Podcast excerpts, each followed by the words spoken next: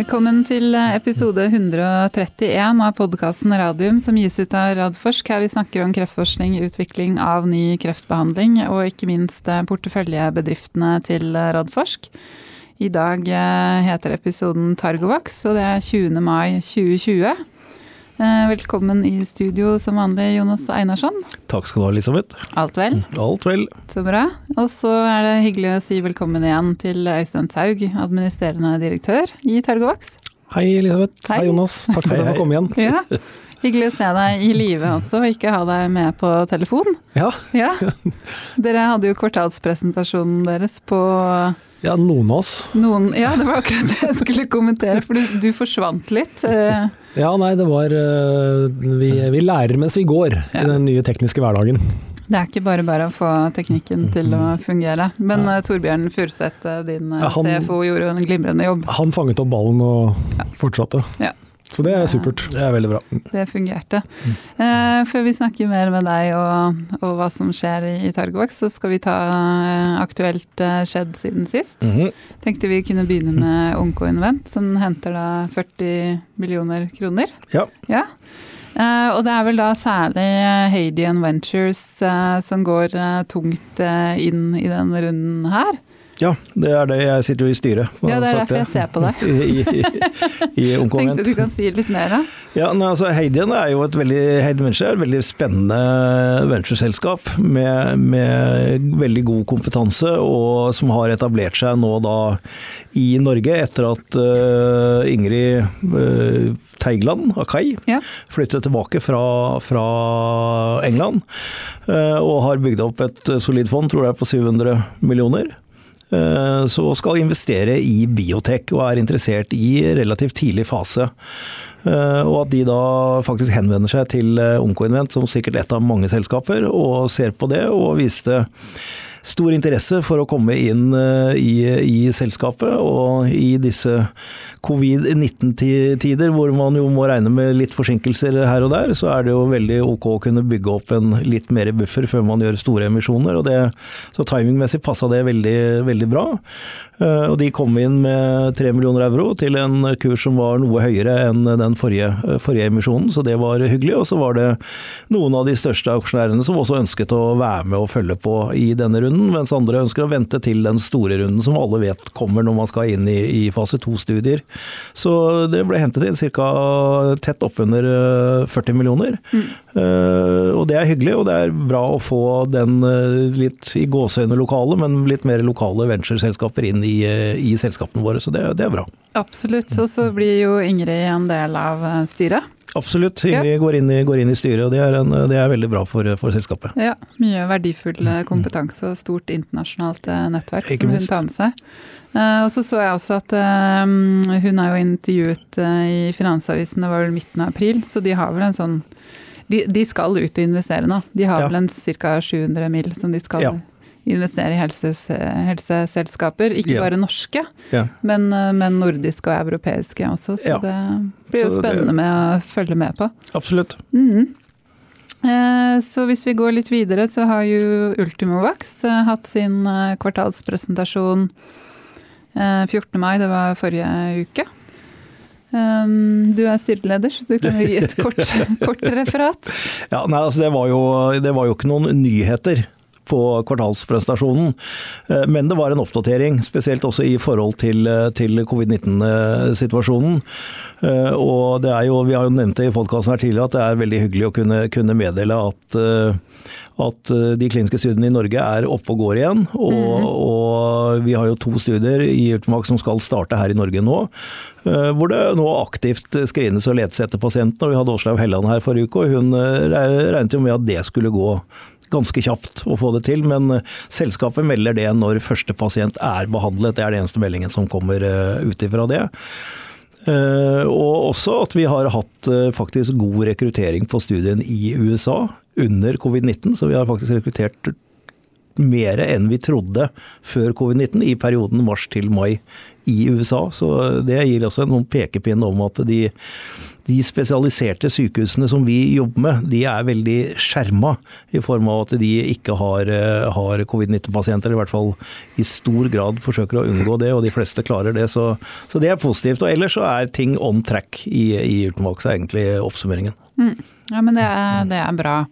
Eh, ellers så melder Nordic Nonovector at de har fått eh, positiv tilbakemelding fra EMEA på en orphan drug designation på betalutin til behandling av noe som jeg tror på norsk kalles marginalsonelymfom, som er en type non-Hodgins-lymfom. Ja. ja. Så vidt jeg vet en ganske aggressiv en. Eh, som også er en, en absolutt en, en mulig indikasjon for betalutin. Eh, og selv om det er ikke noe de skal utvikle nå, nå er det å få paradigmestudiet ferdig og få resultater av det og få det flyttet ut eh, i markedet så fort som mulig, så er jo det en indikasjon som det kan utvides med senere. Og det å ha en orphan drug designation er jo alltid både positivt og hyggelig. Eh, i forhold til hvordan FDA behandler det, og, og også i Europa da EMEA, med, mm. med, med raskere behandling og billigere også, å gjøre disse regulatoriske tingene. Og så er det selvfølgelig det at du får uh, syv eller ti års uh, markedstilgang eksklusivt. Så den, den, er alltid god å ha med seg. Mm. Men dette her er da noe de enn så lenge putter i skuffen, og så tar opp igjen? ja, så fort de enten har penger, partneravtaler eller, eller, andre ting. Men det er jo sånn som Øystein kjenner veldig godt til, at det, det er noen tøffe prioriteringer som må, må gjøres i, i, i, denne bransjen. Så, så foreløpig så, så, så, er dette bare veldig bra å ha, og så kan man bruke det senere. Mm. Men uh, det, er jo, er jo, en fin tilbakemelding i forhold til betalutin. Absolutt. Ja. Um, og så er det Photocure. Det er jo ikke så lenge siden vi hadde Dan og Erik med i podkasten. De har da uh, publisert hele tre studier i American Urological Association sitt årlige i år, da virtuelle møte. Um, de publikasjonene, så vidt jeg kunne se, gikk jo på ulike aspekter på bruk av Hexvix Sysview, men særlig da på fordelene på bruk utafor en sykehussetting, altså ja. i en kontorsetting. Enten som tidlig deteksjon eller ja, men det, dette med tidlig deteksjon tror jeg vi liksom skal legge litt på hylla. Mm. Dan Schneider var ganske tydelig på det at uh, dette er for komplisert og, og, krevende og kostbart til at man liksom tenker seg at man skal bruke det til screening. Det er ikke noe du skal ha nei, at, på ethvert eh, fastlegekontor? Nei. nei. Uh, men, men uh, oppfølgingen spesielt, mm. og da, da utenfor for sykehus operasjonsrom, det er jo kjempeviktig. Og det sa jo Dan også, at det er en utfordring. fordi så fort de flytter seg ut, la oss si det, det blir som å gå fra sykehuset til spesialisten i mm. Norge, et spesialisthelsetjeneste til, til urologen. Eh, da er det en helt annen type finansiering som kommer inn. Sykehuset investerer i denne maskinen og, får, får, eh, og tar det på investeringsbudsjettet, mens en spesialist må sitte og regne på hvor mange prosedyrer må jeg gjøre i året for at dette skal tjene, tjene, seg inn. og Spesielt i USA så er det det man regner på. Og da tenker jeg at den beste måten å få økt dette forbruket på, er at det kommer pasientdemand, altså pasientetterspørsel. Mm. At de spør spesialisten har du blålys. Hvis ikke du har det, så går jeg et annet sted for oppfølgingen. Mm. Og Jo mer man da dokumenterer viktigheten av å bruke blålys i oppfølgingen, jo mer kan det presse på den veien, tenker jeg. Så, og Det var den kanskje den viktigste studien av de de presenterte nå, i hvert fall i mine øyne. Mm. Er, er hvor, hvor, mye de oppdager av eh, potensielt veldig skumle eh, blærekrefttilfeller med kun blålys, og ikke med, med hvitt lys. Så dette, blir, dette, er å bygge sten på sten for å få markedet på plass. Mm. Og så er jeg litt usikker på om vi har nevnt det, men at Bergen Bio da faktisk klarte å hente en 500 millioner kroner. Jeg tror vi nevnte at de skulle gjøre ja. potensielt en emisjon, men de klarte det jo da. Det gikk veldig, veldig, veldig kjapt og greit, og, og, det er jo rett og slett fordi at de, de, måtte, i mine øyne. Fordi de nå kom inn i den akkordstudien i eh, England. Eh, og den, den første delen av akkordstudien er en, å definere som en fase to-studie. Og hvis de kommer igjennom det neste nåløyet, som er om to-tre måneder, så er de per definisjon i fase tre.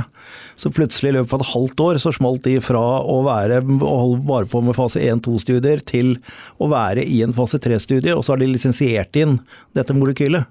Så Det utløser store milestones til det, det de har eh, lisensiert inn fra. Så de, de, kunne ikke gjøre dette uten å vite at ja, hvis vi kommer i fase tre om tre måneder, så må vi være i stand til å betale den milestonen. Og det var hovedgrunnen til at de måtte ha inn disse pengene nå. Mm. Så det er jo kjempespennende å se hva resultatene blir der. og De snakker om to-tre måneder nå, så får man på en måte vite dette. altså Som jeg har sagt tidligere, rasjonale bak å bruke dette molekylet til å bekjempe virus, er logisk og relativt lett å forstå. Fordi at det blokkerer den, de to faktisk av signalveiene som viruset bruker for å komme inn i cellene.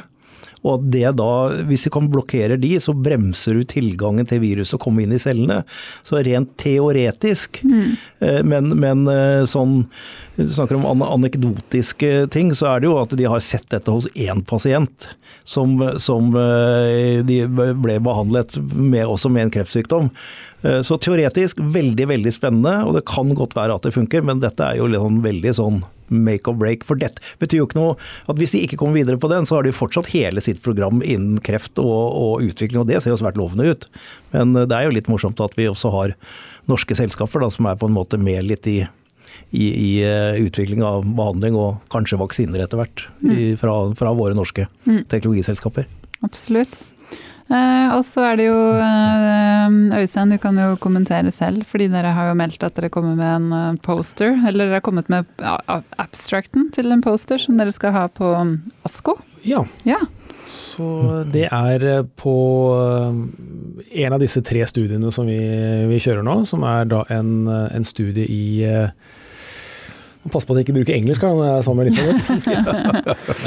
eh, du kan gjøre det, kreft. kanskje jeg simultanoversetter. kreft som har spredd seg fra egg, eggstokken og eh, tarm og endetarm til bukhinna.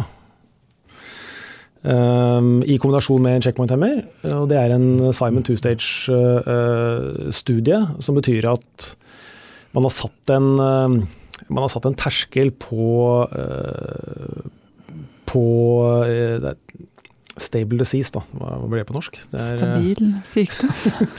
at kreften Ikke nødvendigvis at kreften blir borte, men at Nei, kreften holder seg stabil liksom, i, i, ja. i, pasienten. Mm.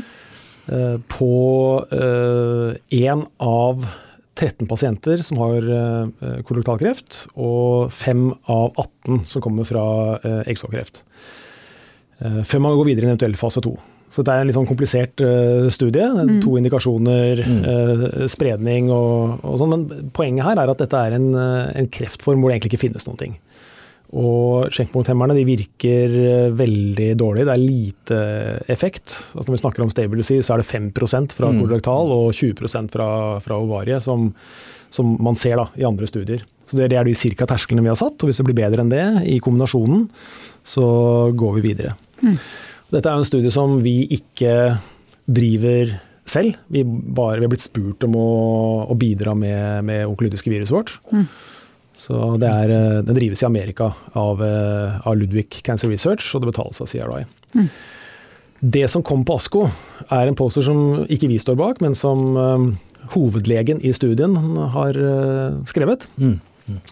Og den uh, tar for seg de første pasientene som da var i en, uh, i en um, sikkerhetskohort eh, av studien. En eskaleringsfase da, hvor, de fikk, hvor de fikk mer og mer eh, behandling.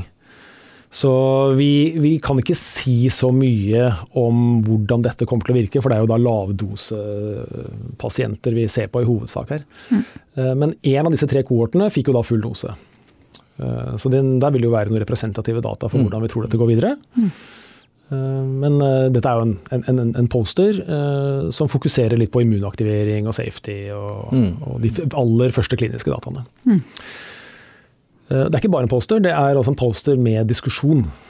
Det er eh, sånn imellom en, en, full presentasjon og en, og en liten poster. Mm. Mm. Det, er, det, er, et viktig poeng, da, for det nåløyet der er ganske smalt. Ja, på Asko så er det det. Ja, sånn at det å, det å bli plukka ut til å være med på en sånn uh, muntlig diskusjonsrunde, det er, det er litt fjær i hatten. da. Ja, ja. vi syns det er kult. Ja. Ja, det er det jo absolutt. Og det skal jo nå i år foregå virtuelt. Så det blir jo noe helt nytt. Ja. ja Får håpe teknikken funker litt bedre. Jeg, jeg, vet ikke om Altså, jeg personlig tror vel at det her ikke er kommet for å bli. Nei. Jeg tror disse konferansene de, de, blir ganske avstumpet ved å ha de virtuelt. Mm. Um, det er klart, du får jo spredd liksom det vitenskapelige budskapet ditt uh, kanskje på en vel så bra måte, men, men det er det å å møte folk og snakke sammen og, og ha, altså ha, møte med men, ekte mennesker, det, det, det, er litt av hovedgrunnen til at man reiser. Da. Ja. Ikke å se på poster, de kan man jo se på nettet også. Ja. Ja, det, er, det er jeg helt enig i. Eh, viktigheten av at det blir avholdt, er at disse posterne, publikasjonene, faktisk blir publisert og har vært igjennom akkurat den samme fagfellevurderingen og disse nåløyene. Så vitenskapelig sett så er det like viktig at den blir avholdt sånn. Men, men hvor mange som sitter oppe natt til lørdag og natt til søndag her for å se på diskusjonene eh, live, er jeg litt mer usikker på. Og, og for, for, min del så blir det mer sånn at jeg følger med på breaking news som kommer. Jeg har jo dette newsletteret til Asko som jeg får inn i mailboksen, og se om det er noe jeg skal gå inn og se. Uh, fremfor å, å, å begynne å, å, bla veldig mye i Men så er ikke jeg vitenskapsmannen heller, så når jeg er der, så er det for å møte folk. Mm. Så, så, sånn sett så, så, håper jeg det kommer tilbake. Mm. Mm. Absolutt, og det, det, gjør det jo sikkert også. Det når det, ting, ting, er tilbake i normal gjenge. Men no, noe blir hengende igjen her. Vi vet vel ikke helt uh, hva det er, men uh, hvis du snakker med de gutta i bankene som har hentet penger til ulike selskaper nå, mm. så sier jo de at det å, gjøre, det å gjøre roadshow i forbindelse med en deal, det er mye mer effektivt uh, å gjøre virtuelt. da. Ja. Mm. Og ikke sette folk på fly og reise rundt og ja. på hotell og mm. kjøre taxi. Men at man for Du får linet opp mye flere møter, og nå har det vært lett å få møter tydeligvis også. Ja. Og det har vært en god modell som de er helt sikre på kommer til å, til å bli igjen, faktisk. Ja. ja, det høres jo altså Da blir det jo både mer effektivt og kostnadsbesparende for alle parter. Ja. Det er en typisk vinn-vinn. Mm. Um, bare én siste ting før vi konsentrerer oss om Targovac. Så det var, eh, ja, jeg har en podkast, eh, eller egentlig et radioprogram, jeg følger på, på P2 som heter Drivkraft. Og jeg må si jeg skvatt litt da jeg plutselig hørte stemmen til Agnete. Som, ja, ja. Agnete Brunsvik Fredriksen, som har vært uh, hyppig gjest i denne podkasten. Det syns jeg var ganske gøy, når du sånn tenker på at uh, gjesten dagen før hadde vært uh, Johan og Andresen i ferd.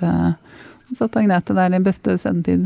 Hun snakket en time om Baxibody og sin doktorgrad, som var utgangspunktet. Ja. Ja, så den kan jeg anbefale på, på det varmeste. Eh, men da er det, da er det Targovax eh, her, eh, Øystein. Men kanskje før vi liksom dykker ned i detaljene.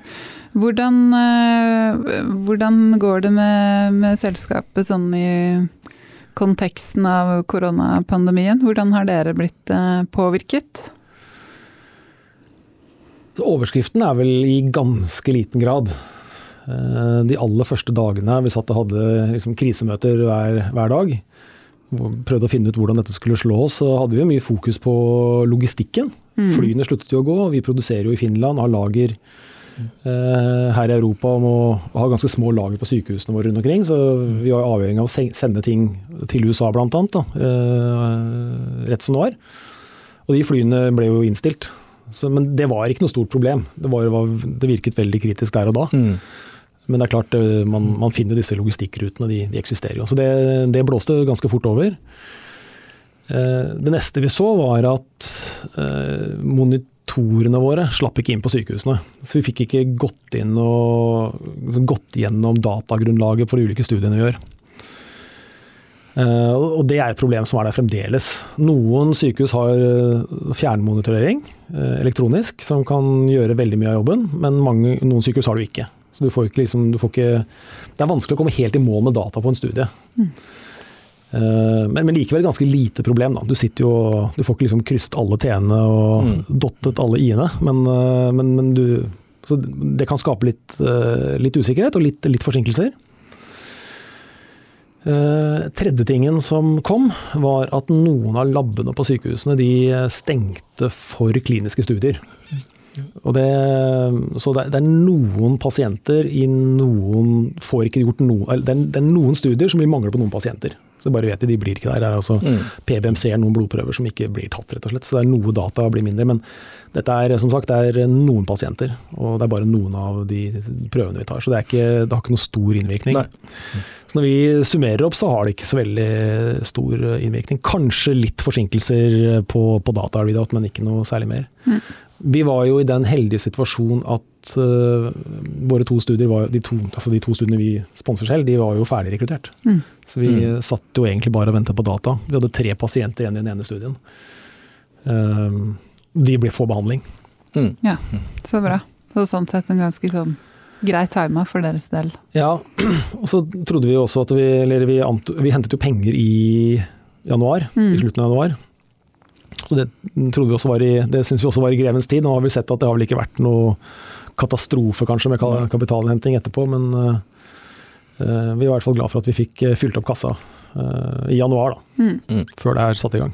Absolutt. Det er alltid greit å, å ha sånne ting, ting gjort.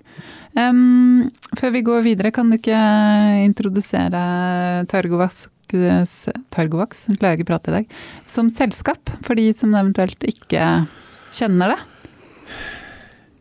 Ja. Eh, vi er jo et biotekselskap mm. basert her i Oslo. Vi utvikler i hovedsak onkolytiske virus for å bekjempe kreft i eh, ulike indikasjoner. Eh, og I tillegg så har vi også en, en kreftvaksineplattform som vi, som vi har utviklet aktivt, og nå utvikler gjennom partnerskap. Det er kortversjonen. Mm av hva vi, hva vi, driver med. Ja, så bra.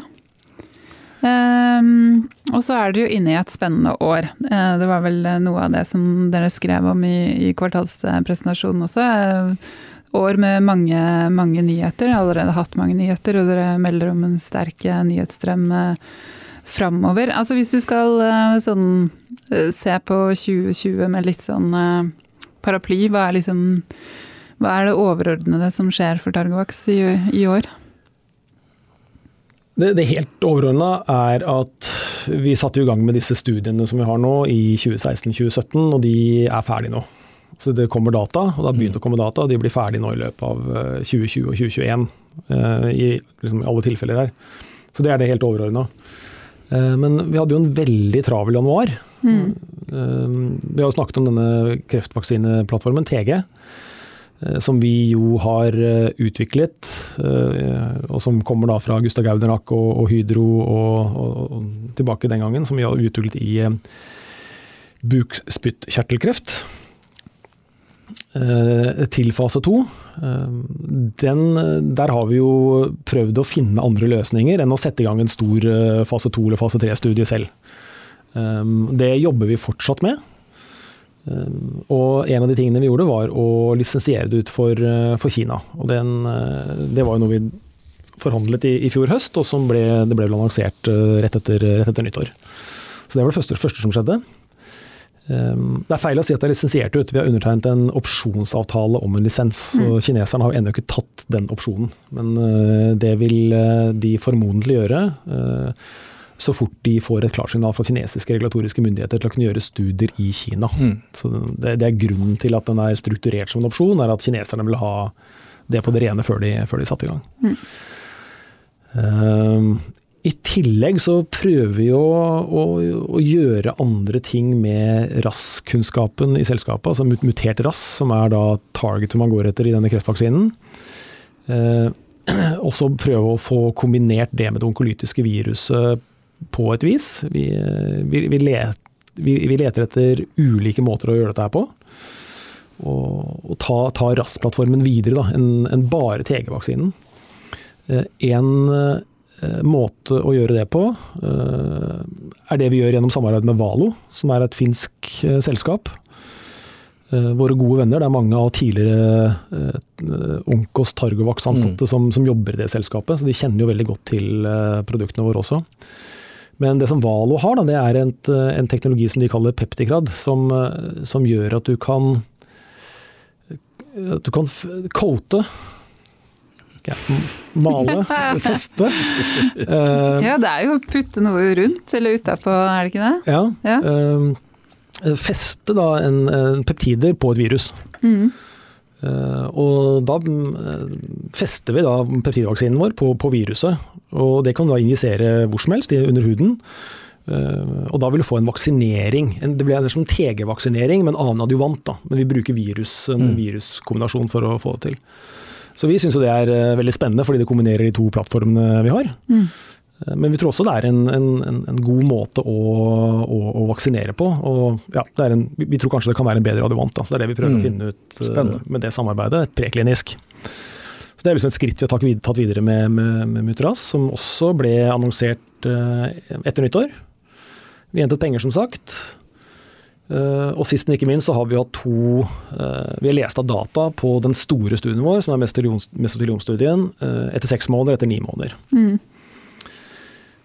Og det vi så der, var at når vi sammenligner med historisk kontroll på PFS, progresjon, altså hvor lenge pasienten da lever uten å, uten å få en Tilbakefall? Ja, eller større økning av, av, av kreftsvulsten. Mm.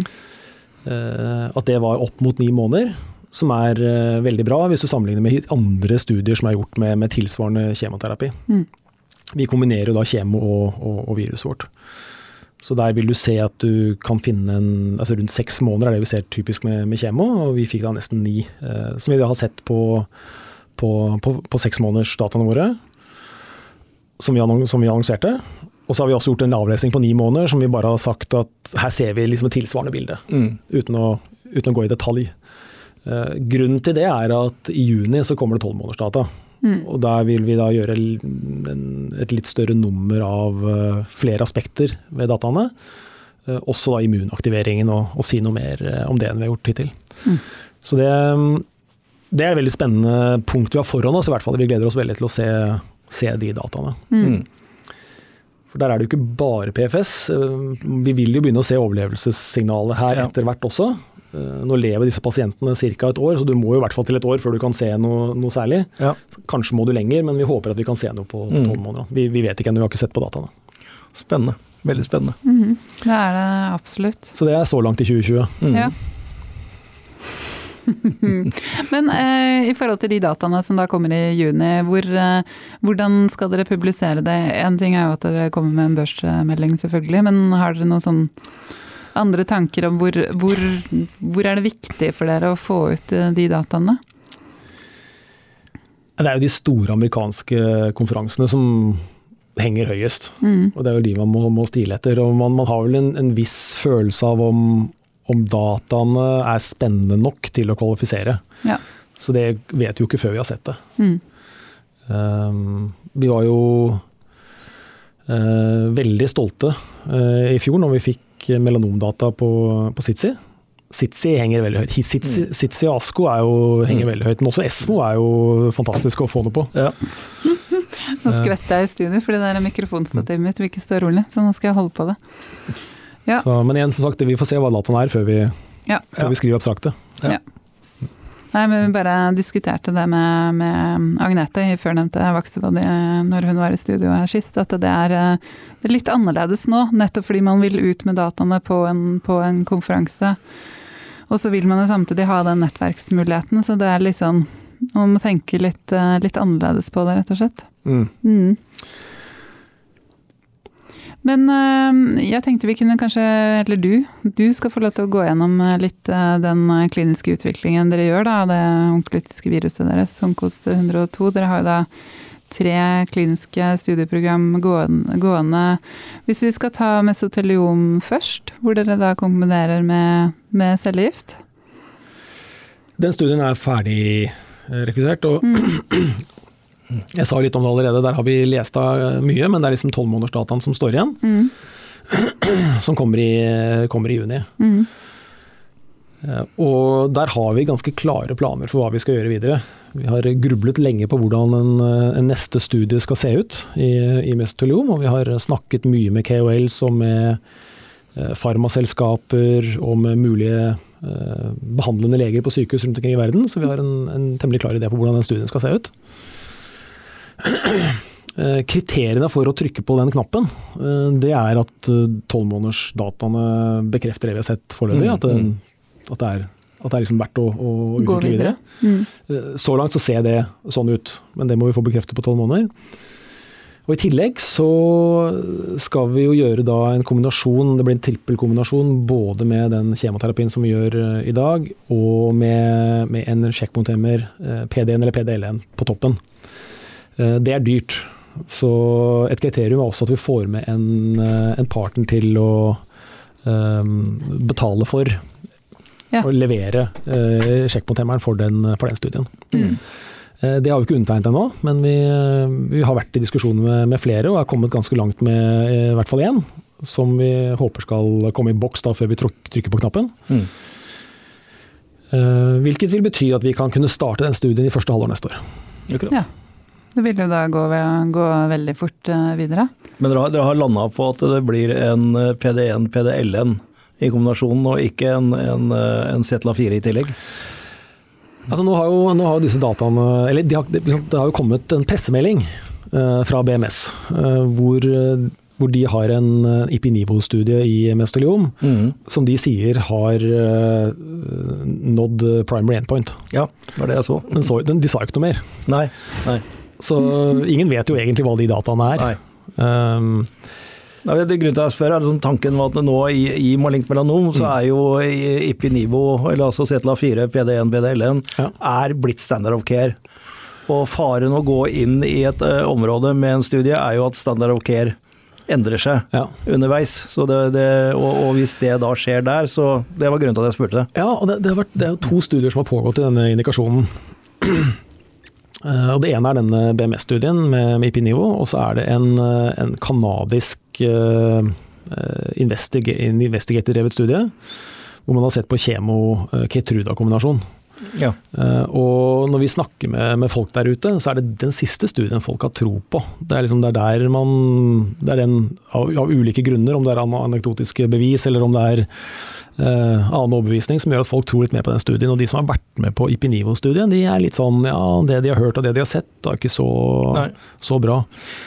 Nei, fordi, altså, I i non-small cell, altså den andre type, type lungekreft, mm. så ser det jo ut som, i hvert fall i USA, som det er kjemo pluss PD1, PDL1 som er i ferd med å bli standard of care der. Mm. Så, så, det er ikke sikkert at selv om dette skjer i malignt melanom, at det er riktig at den kombinasjonen er like god i andre indikasjoner. Ja, så, så har du disse lavdose ZLA4 ja.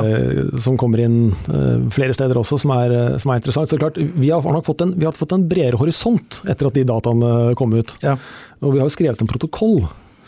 Men vi har jo ikke begynt å behandle pasienter ennå. Så vi, vi, har, vi har en, et åpent sinn i forhold til de dataene vi kommer til å se her. Men hvis du går rundt og spør folk, så tror jeg nok de, de fremdeles tror på PD1 kjemo i, eh, i, som kombinasjonen i, mm. i førstelinje mesterlion. Ja. Per i dag. Ja. Og noen andre som begynner med, med studiet akkurat på den indikasjonen, er jo Ultimovax. Ja. ja. Eller som også da er drevet av forsker, da. Forskerinitiert med mm. Åslaug Helland. Men de også har jo da kombinasjonen ipilimumab, nivolumab og vaksine. Og vaksine. Ja. Mm. Så det, så det, det er morsomt. Det er en sånn såpass smal indikasjon, og så har man to, to norske selskaper. Eh. Ja, det er liksom en liten, en liten men prominent indikasjon. Mm. Det, det, finnes jo veldig lite for disse pasientene. Det er jo Det finnes det, nesten mange, ingenting. Det er vel kjemo som Det er veldig få som kan opereres. Ja. Og, og Pemetrexet cisplatin, som er den eneste mm, liksom standard of care som er der ute, den, den har vært der siden 2003, tror jeg. Mm. Så den er jo ikke noe dette er ikke det siste uh, innen kreftbehandling. Nei. Det virker relativt dårlig. Mm.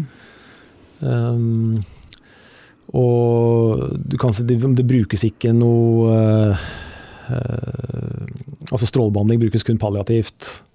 Sjekkpointhemmerne er ikke der ennå, men de, de, kan vel da komme etter hvert. Da. Mm. Vi, vi, vi, ser at i USA så brukes de i andre linje. Mm. Og det er, jo, det er, jo, det vi diskuterer nå, er hvordan skal førstelinja, førstelinja ja. se ut. Mm. Ja. Mm. Eh, hvis vi, vi har også vært innom den andre altså kliniske utviklingsstudien dere har på, på krefta som har spredd seg til bukhulen fra eggstokk og, og tykktarmskreft. Eh, peritonal, blir det riktig? Peritonial, kanskje? Peritoneal, ja. Det er en grunn til at jeg holder meg til norsk. og da har dere da Onkos 102 i kombinasjon med den durvulumab. Durvulemab. Um, hva, hva, skjer videre her? For det presenterer du nå på ASKO? Ja, og det er liksom tidlig data fra, fra uh, TOX-sikkerhetseskaleringsdelen av studien. Mm. Um, det vi venter på er at vi da en eller annen gang, kanskje i løpet av året, uh, kommer dit hvor, uh, hvor, vi kan se om vi har nådd disse predefinerte tersklene for å ja. gå videre i studien, for å mm. inkludere flere pasienter. Det er potensielt en veldig stor studie, opptil 78 pasienter, hvis mm. vi fyller begge armene med, med, med, med to faser. Mm. Eh, som sagt, Terskelen der er lav, men det skal også mye til å behandle disse pasientene. De er jo, det er en forferdelig sykdom å, mm. å ha. Absolutt. Mm. Og det, dette er senpasienter. altså De er, eh, de er, de er kjemorefraktære.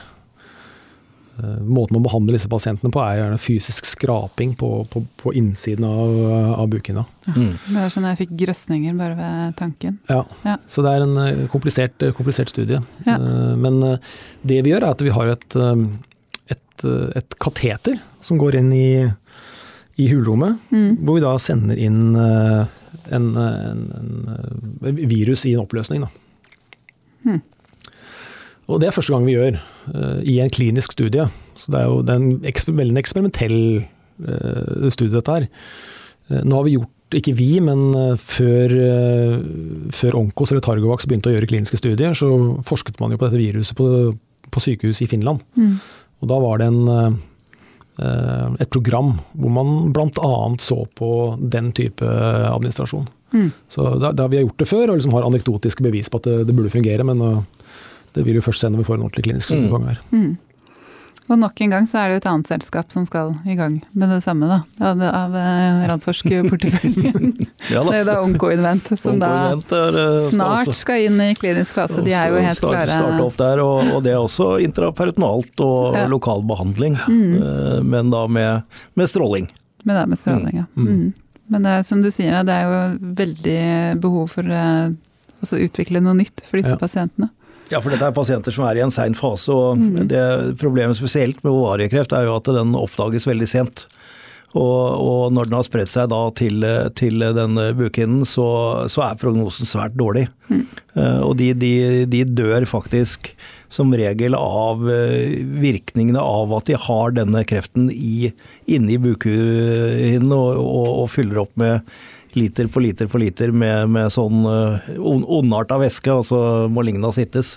Og det er som regel det de dør av. Så det er, det unmet medical need er det så absolutt i denne indikasjonen, så mm. Men det, det, er en studie som vi ikke driver selv, da, så vi, ja. vi, er litt forsiktige med å guide her. Men uh, vi håper at sånn i år eller neste år så skal vi ha noe å melde. Men nå, nå kommer det noe på Asko da, i hvert fall. Mm. Blir spennende å se. Og så har dere jo en uh, studie til på føflekkreft, uh, der hvor dere kombinerer Ronkos med Keytruda. Nettopp. Ja. Er uh, Altså, vi, vi, tror jo at onkolytiske virus har mest for seg i kombinasjon med sjekkpunkthemmere. Mm. Og det er rett og slett fordi at sjekkpunkthemmere de trenger immunaktivator i tillegg for å kunne virke i flere pasienter. Og da vaksiner og onkolytiske virus vil jo da være immunaktivator, i den forstand at de hjelper immunsystemet å produsere flere T-celler og riktigere T-celler til å faktisk drepe kreften. Uh, og dette er jo en liten studie egentlig, som, som prøver å finne et uh, proof of concept. Ja. Det, jeg har ikke noe godt norsk ord for den. Konseptbevis. Ja, ja men det er, hva er det, liksom? ja. Så det er, en, det er en liten studie, men vi har, vi har, delt den opp i to. Med en, eh, først med ni pasienter, hvor eh, pasientene bare får tre injeksjoner av, av viruset helt i starten. og så blir de satt på Keytruda i dette tilfellet for å se om det skjer noe. Dette er pasienter som er refraktære, så de, de responderer i utgangspunktet ikke til Keytruda. Så får du onkolytisk virus, og så ser vi hva som skjer. Og da, I de ni pasientene så var det jo tre som hadde en reaksjon, det var én complete response til og med. Mm. Så det var jo veldig gode data. Det er vanskelig å si gode data når det bare er ni pasienter, men det var jo eh, lovende. lovende. Ja. Ja. Mm. Spennende. Og mm. spennende nok til at det ble presentert på Sitsi, som vi allerede har nevnt. Mm. Neste runde nå så, vi, så, øker vi dosen til 12. Altså vi får da de samme tre i begynnelsen, men vi sper på også utover i, i kombinasjon med, med Ketruda. Og øh, der er det tolv pasienter i studien. Den er også ferdig rekruttert. Vi, de siste pasientene blir behandlet. Der er vi da Oslo universitetssykehus er også med på den studien. Mm. Mm. Uh, og uh, der vil det komme data i løpet av andre halvår. Den studien er blitt litt forsinket i forhold til hva vi trodde, men ikke nok til å endre guiding. Da. Vi mm. ligger innenfor andre halvår. Mm. Uh, så det er ferdig rekruttert, men der, er, der, der, har vi litt utfordring med monitorering på den, på den studien. Ja. For det har liksom kommet midt oppi korona. Det er ikke en sånn veldig stor studie, men, men nettopp det at dere, at dere går på refraktære, Altså de, de, de, de, reagerer ikke på denne medisinen lenger. Mm. Dere gjør noe, og så gir medisinen igjen. Mm. Og, og, man kan tåle da litt mindre antall pasienter, fordi de skal jo ikke. Eh, Ketruda skal jo ikke sette i gang og virke igjen. Så det, det, å trekke korrelasjonen til at det kan ha en sammenheng med at dere er gitt onkolytisk virus, er jo lettere å gjøre, da. Eh, så vet jeg at statistikk og sånn ikke, ikke, er der, men allikevel, det er sånn rent logisk og rent sånn vitenskapelig, så, så vil jo gode data der være viktige. Mm. Ja, Det er en viktig studie for oss, fordi melanom er så, det er så sentralt i immunonkologien. Så folk forstår disse dataene. Mm. Eh, det er så lett å benchmarke. Selv om vi sier at det er ikke statistikk og små og få pasienter, så liksom de, de, eh, de, responsene du får er, er meningsfulle. Ja. Eh, om det så er complete response, eller om det er en delvis respons, eller om det er stabil, stabil sykdom, så er jo det viktig å få vist. Som du sier, det fins jo pasienter som er refraktære som kommer tilbake, men av de studiene jeg har sett, i hvert fall, så ligger det tallet på rundt kanskje 5% Akkurat. Så det er ikke mm. på, på Ketruda spesifikt. da. Mm. Så det, hvis du klarer å få betydelig mer enn det, så er det Da er det, er det jo noe som skjer med ja. de onkolytiske virusene. Og Det var et spørsmål som kom inn her også, når vi mm. først snakker om det her. Uh, hvor er, liksom er terskelen for at dette skal være gode data? Uh, vi har sett altså det, er, det, er, litt eh, kunstig å snakke om prosenter når du bare har ni pasienter. Eh, men hvis du ser på andre, andre studier som er eh, ja, kanskje ikke med så forferdelig mye mer pasienter, da, som er gjort i, også i samme refraktære setting, så ser vi at liksom alt over 25% det blir regna som, som, bra nok til å kunne fortsette. 25% er nok cutoffen på mm.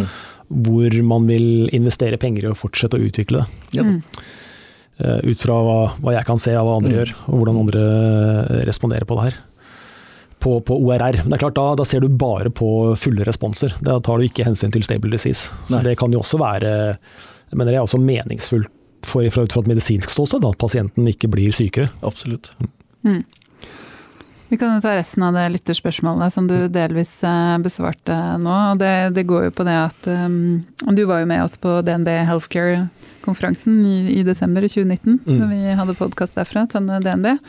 Eh, og da mener lytteren at du sa at denne melanonstudien da var det viktigste for, for Targovax. Han eller hun lurer jo også på hvorfor Hva som er begrunnelsen for hvorfor det er den viktigste studien? Ja, den er, liksom, den er, viktigst fordi den er lettest å forstå, lettest mm. å lese. Det er liksom data som er uh, lettest å benchmarke. Så gode data der vil liksom ha en større impact for, for oss som selskap. Mm. Uh, når det er sagt, så er jo mesoteliom si, nærmere vår strategi. Det er jo der vi sier at vi skal, det er der vi har en plan for neste studie. Mm. Uh, det er der vi tror vi kan komme til markedet fortest. Så eh, vi har to tanker i hodet samtidig her. Eh, Mesteliom er der vi legger inn støtet, ja. men vi tror nok at melanom blir, er data som blir lettere forstått, og, og sånn sett kan være viktigere. Da. Mm. Mm. Lytteren lurer også på hva som er strategien framover, dersom kohort 2 oppnår tilsvarende resultat som kohort 1. Hvis vi har veldig gode data i melanom, mm. så vil vi eh, sannsynligvis gå videre i, i en, uh, en enarmet studie. Ja. Med, vi, vi, tror ikke du trenger så veldig mange pasienter heller her for Nei. å kunne, kunne få en uh, Hvis du har gode nok data, så trenger du kanskje under 100 pasienter for å kunne få en godkjenning. Mm. Kanskje bare 50. Ja. Det, har jo, det, har vi jo, sett før på ja, sjekkpunkttimerne. Ja. Mm. Så, og dette er, en, dette er, jo en, indikasjon hvor pasientene ikke har noen andre muligheter. De, de, får, øh, de, får, smertelindring, det er det mm. de får. Eller kliniske studier hvis de bor i USA. Mm. Ja, hvis de bor i USA.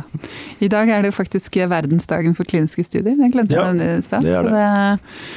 Ja, vi burde få det litt mer amerikansk Akkurat der kan vi ha litt mer amerikanske tilstander i Norge. Med mer flere kliniske studier.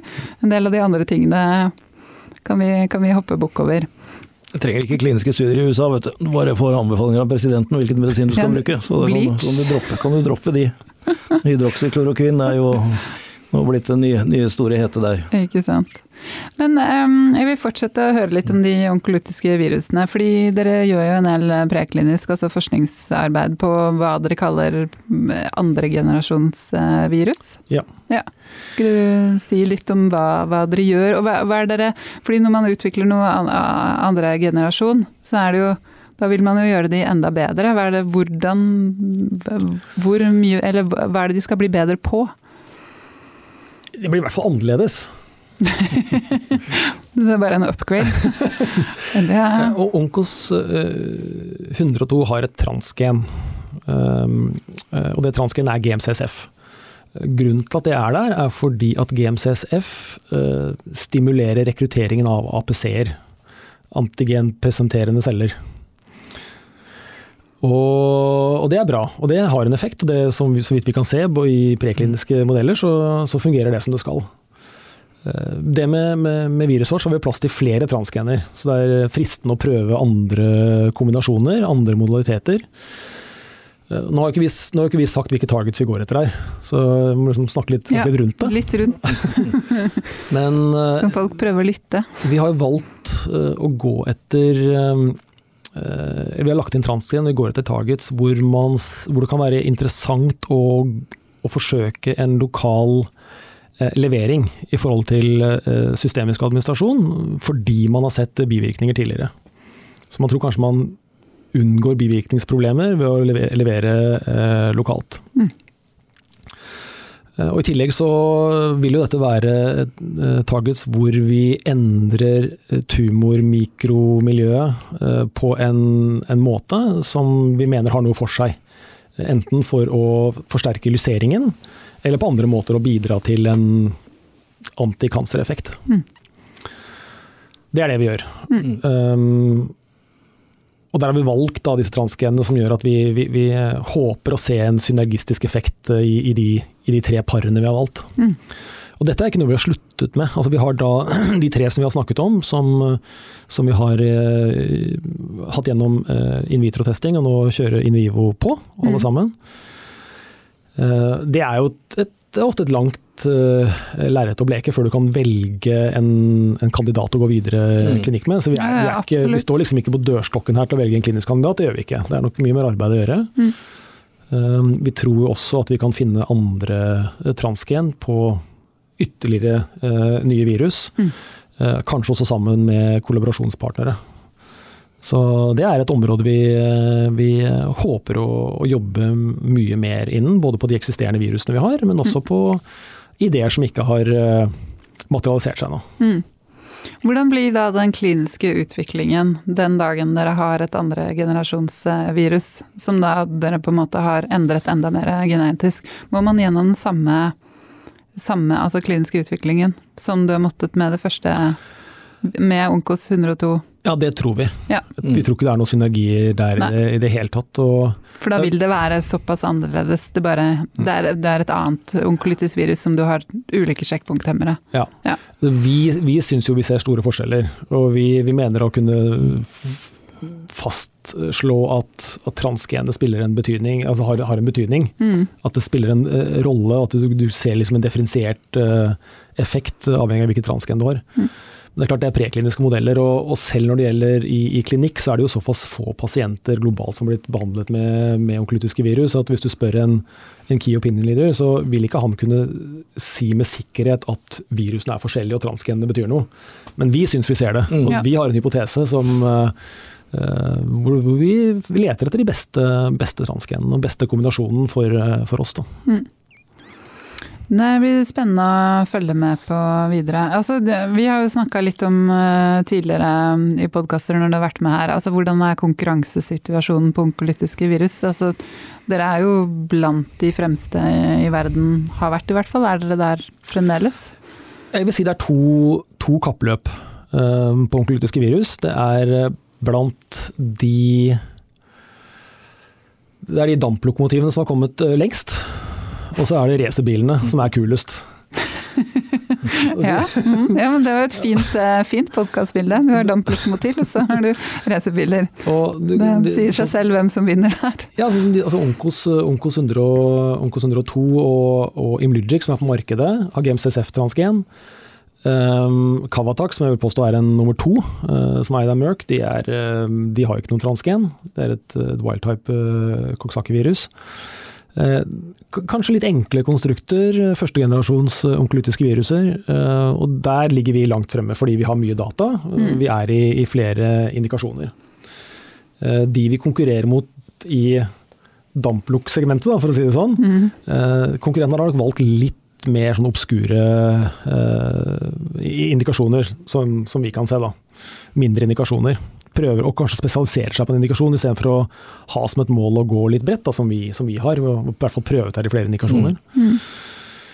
Uh, men så har du da uh, racerbilene. De er jo langt, langt bak damplokomotivene, men mm. de er kulere. Altså de, har, uh, de, har, helt andre, de er, de er, konstruert på en annen måte. De har flere transgen, de gjør andre ting. De, er, de har syntetiske elementer. Altså de Eh, de, de, vil nok bli bedre til slutt, men de, de, kuleste er jo ikke, de er jo ikke i klinikk ennå i det hele tatt. De er langt unna. Ja. De er veldig tidlige konstrukter. Mm. Og når vi ser på hva som har skjedd av, av, av oppkjøp og dealer, så er det jo det er de kuleste racerbilene og de tidligste damplukkene som gjør dealer. Mm. mm. Så du må, ha, du må ha, enten må du ha kliniske data, mye bra klinisk data, eller så må du ha et eller annet veldig spennende Helt konsept. Ja, mm. skjønner. Um, eller så har dere jo gjort en, eh, en, spennende ansettelse siden sist. Uh, dere har fått en ny forskningssjef som heter Viktor Levitske. Kan dere fortelle litt om uh, rasjonalet bak å ansette en, en, ny forskningssjef, og hvorfor dere gikk for, for han? Ja, uh, vi har ikke hatt en forskningsdirektør, egentlig. Vi har Nei. hatt en avdeling, vi har hatt folk som har jobbet der, og de har vært en, ja, nærmest en, en, del av den kliniske uh, operasjonen vår. Uh, fram til nå, men jeg syns det er ganske naturlig for et, uh, et uh, Og de har gjort en bra jobb, de, det er ikke det. men jeg tror det er viktig for oss, som jeg også har snakket om en del i dag, at vi, vi, vi prøver hardt å, å, gjøre noe på, på pipelinen vår. Eh, og for å drive pipeline, ikke bare Onkos 200-serien, denne nye generasjonen eh, onkolytiske virus, men alle de andre tingene vi prøver å få til, og kanskje også på TG-plattformen, eh, så er det viktig at vi har én person med en dyp immunologisk bakgrunn til å, til å lede det. Mm. Og, og, og, fortelle oss hva som retningen skal være. Mm. Det har vi kanskje manglet litt i, i, i selskapet vårt. Og Der er jo Viktor en perfekt eh, kandidat. Han er jo lege i bunn og har en doktorgrad i virologi på, på toppen. Han har vært uh, assistant professor, det heter vel noe annet på norsk? Assisterende professor? Uh, ja, men det tror oversettes til noe Ja, det er noe annet. Uh, ja, ja, men fall han har vært det både på Karolinska og på Johns Hopkins, mm. Hopkins i USA. Ja. Så han er jo en, en, mann som har en veldig tung akademisk karriere i bunn, eh, før han eh, jobbet for Roche og for eh, Molecular Partners i, i Sveits, før, før, han kom til oss. Mm. Så han har, han har, bodd mye i Sverige, så han er, han er, han er vel svensk sånn statsborgermessig. Mm. Hvis han har deltatt i maratonløp, så har han hatt svensk, svensk flagg på brystet, tror jeg. Mm. Uh, han er jo en, men han er jo en, en russer fra eh, etnisk russer fra Latvia. Det, men han er en, en, person som kommer med mye tyngde og har klare meninger og er altså veldig, veldig bra for oss når vi snakker med potensielle partnere om, om, å gjøre kollaborasjoner. Både på, på Onkos 102 og på de, de prekliniske forsøkene våre. Så det er, mm. det, er, det er, veldig viktig for et selskap som oss å ha en mann som han. Mm.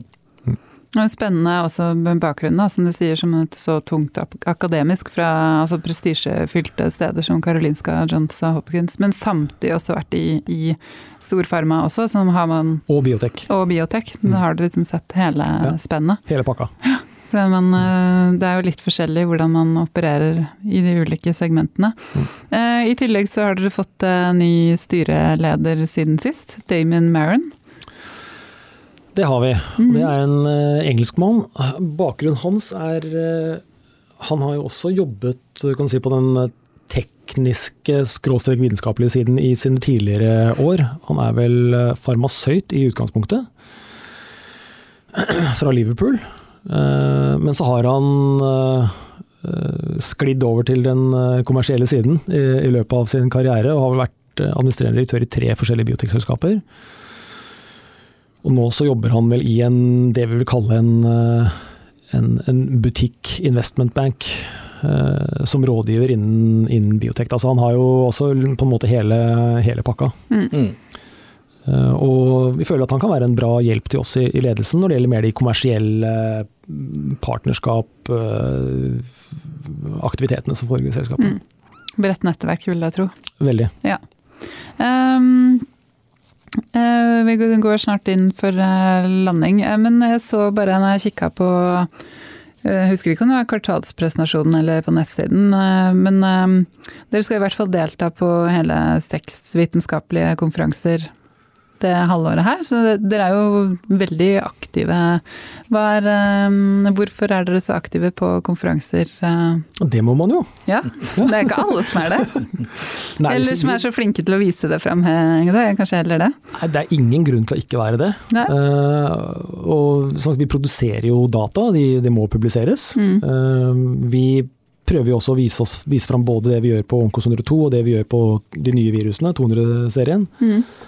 Eh, så det er jo en, en helt naturlig måte å, å, profilere seg på, og fortelle at vi er der. Ja. Så jo mer jo bedre, egentlig. Mm. Og selv om det er virtuelt, så får man noe ut av det. Selv ja. om det ikke er helt den der samme ja. ansikt-til-ansikt-møte og det å kunne gå ut og spise middag. Nei, og når du sier at vi har seks stykker, så er vel noen av de på andre siden av sommeren, så da håper vi kanskje at vi klarer å øh, klarer å, å møte, i, møte, fysisk. Ja. Så nei, det er, det er veldig viktig. Og som sagt, Den ene er jo ASKO, så den er jo, den er jo uh, veld, veldig vesentlig å, å, få med seg. Nå hadde vi en Det var ASGCT, som var nå i, i mai. Mm.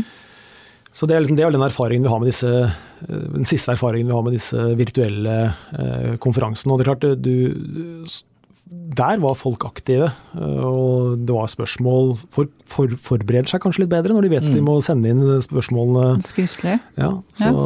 Det, sånn sett fungerte det ok. Mm. Altså det rent vitenskapelige, som, som mm. Jonas allerede har nevnt, liksom den vitenskapelige delen av det, det, det går bra. Mm. mm. Så mister man, mister man, litt av det andre, men det vet vi jo kommer tilbake. Så det, det er jo bare sånn det er per nå. Um, hva, hva, tenker du Einarsson, etter å ha hørt eh, Øystein fortelle om hvordan det er eh, ståa her i Targovax? Ja, nei, jeg har jo fulgt Targovax fra den spede, ikke bare spede barndom, men fra fødsel. Så, så jeg følger, jo godt med. Nei, det er spennende. Det er alltid, det, som Øystein sier, liksom, du har starta studiene i 2016, 2017, 2018, og så er du kommet dit nå at du endelig kan begynne å lese av noen data som selv om det ikke Det er jo ikke akkurat sånn registreringsstudiedata, men, men det er data som du kan begynne å legge litt vekt på og se er vi virkelig på vei i riktig retning her. Kan vi etter hvert også begynne å forklare, for disse dataene er ikke bare dette med de kliniske effektene, men det er også at vi etter hvert kan forklare at vi vet hvorfor det gikk bra med den pasienten. Eller vi kan kanskje finne et rasjonale for hvorfor det ikke gikk bra med den pasienten. Mm. Og det er jo de dataene som Og den kunnskapspakka du lager der, det er jo den som gjør at du skal gjøre de riktige studiene i neste runde. Men, men det er alltid sånn at man sitter og klør litt når man vet at de driver og jobber med å analysere den type data. Eh, og så sitter disse som analyserer disse dataene og holder i fast og låser det inn i en safe, så selv ikke kanskje til en gang toppledelse i selskapet eller styret får vite før de, for de kan ikke si noe før de har analysert det. Og den perioden er liksom litt sånn gå og vente på fødselen, altså. Så, mm. så det, er, det, er, det, er, spennende tider dere står foran.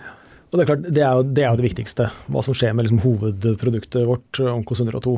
Og det, det nå får en, en, en, fast form i, i, i, form av data. Men det er også en liten refleksjon med det som skjedde med Bergen Bio. At uh, de hadde jo kanskje en, en, bredere mulighetshorisont enn det folk flest uh, ja. innså, før de ble med på denne covid-studien. Og det er litt sånn det vi prøver å, å få til her. Vi driver ikke med covid, selvsagt, vi. Men uh, prøver å skape en bred, en bred mulighetshorisont. Ja. For å kunne skape verdi uh, senere. Det er ikke helt sikkert hva som kommer til å være, være det store av det vi, det vi driver med, Nei. de nyere tingene. Men har du en, bred mulighetshorisont hvor du får eh, anvendt know-how i selskapet, så tror jeg det må være riktige, riktige ting å gjøre. Ja, det er jo, kan du si sånn avslutningsvis, at det er jo det som er så fantastisk spennende nå. fordi at Vi har jo hele tiden sagt at vi i alle selskapene våre vi jobber med behandling av kreft. Eh, og I enkelttilfeller gjør vi det som i Radiofarmaka-selskap. Da er det jo først og fremst å drepe kreftceller. Men så er det jo så mange av disse selskapene våre, inkludert Targovax, som jo jobber med immunterapi. Eh, og, og, nå ser vi hvor viktig det er å skjønne immunsystemet. Mm. Og forstå hvordan nye sykdommer også vil bli oppfattet av og behandlet av immunsystemet. Og da ser vi jo denne knippen vi har med disse peptidvaksineselskapene, onkolytisk virus, Vaxibody-teknologien. PCI sin teknologi, altså at alle vi som jobber i dette med immunologi, og at det kanskje det er, det, er, det er liksom det som er det vi jobber med. Og da er veien over også i annen type infeksjonssykdom, og kanskje til og med i, i bakteriesykdommer etter hvert. Når antibiotika ikke fungerer lenger. Det, og, eller autoimmune sykdommer. Eller autoimmune sykdommer, Så det åpner seg, som du sier. Altså, så det, det, er derfor det er så viktig å forske hele tiden. Mm. Vi må fokusere på å utvikle noe som vi kan få penger til å gjøre kliniske studier og vise at dette produktet fungerer i denne indikasjonen. Men hvis vi bare gjør det og ikke forsker, så kan vi gå glipp av så veldig mye. Så det er spennende nå, altså. Mm. Det er det absolutt. Det, jeg tror du fikk det siste bevingede ordet der. Takk, takk. Eh, så får du ha lykke til videre med alt det spennende som står foran. Takk skal du ha. Så er det nok ikke lenge til du er tilbake her, sier jeg. Men det var juni det, det kom, noe, juni det kom noe data. Ja. Vi skal kjøre podkast ut i juni, skal vi ikke det, Einarsson? Vi får se. Ja, vi får se. Jeg ringer deg bare opp nå, vet du. Kommer an på været. ja, ikke sant. Men nå kan jeg bare ringe deg opp. Ja da, sant det. ok, takk for i dag.